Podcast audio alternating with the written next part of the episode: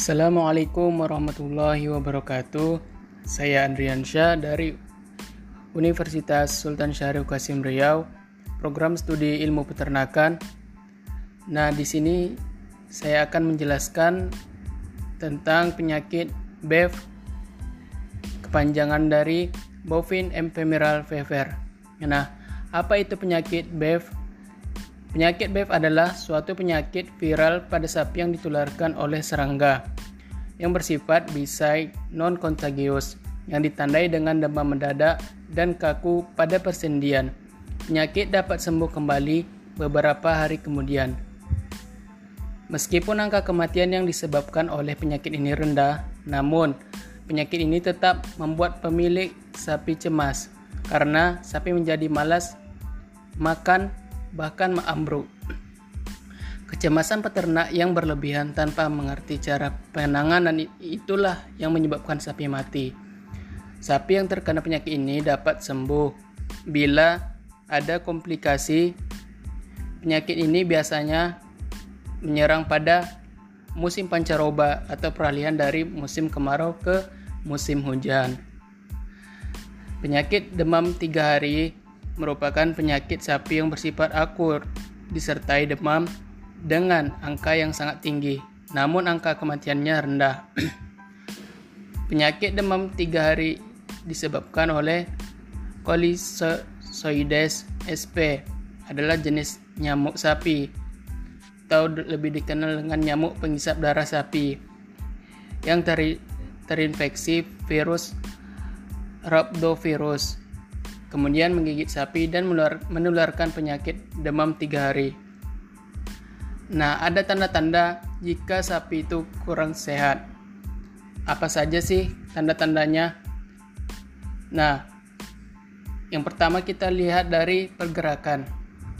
Pergerakannya dalam keadaan normal ataupun sehat, ternak sapi biasanya bergerak aktif dan lincah. Sementara dalam kondisi sakit, ternak cenderung kurang aktif, bahkan dalam beberapa waktu sapi lebih sering berbaring dan tidak banyak bergerak. Yang kedua, kita bisa melihat dari matanya. Mata yang pucat dari sayu pada ternak bisa jadi merupakan gejala awal dari kondisi ternak yang kurang sehat ataupun kelelahan. Yang ketiga, kita bisa melihat dari nafsu makan.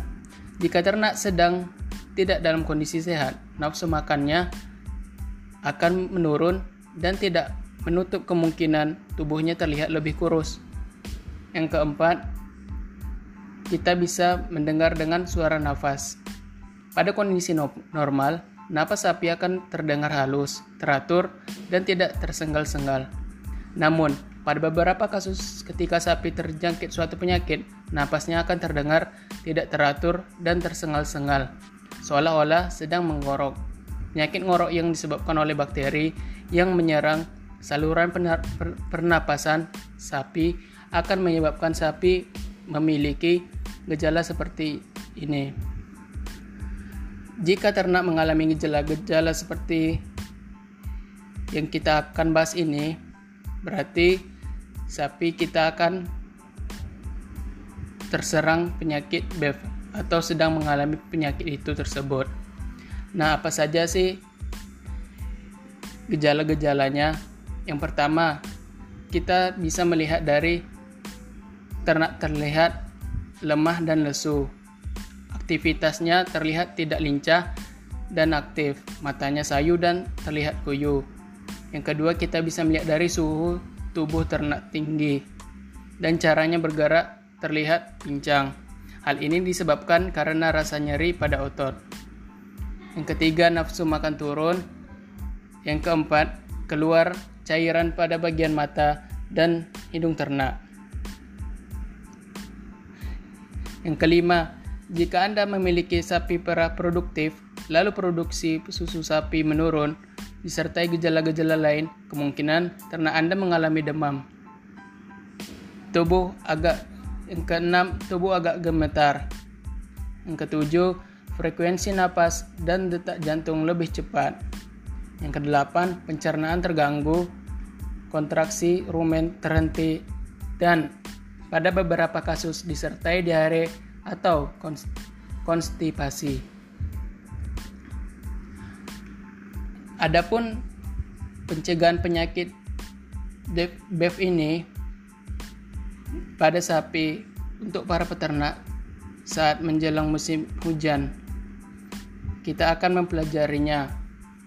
Apa saja sih pencegahan agar sapi kita sehat?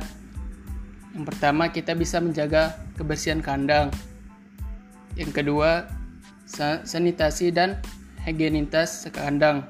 Yang ketiga, berikan vitamin secara rutin minimal sebulan sekali pada sapi untuk memperbaiki kondisi umum.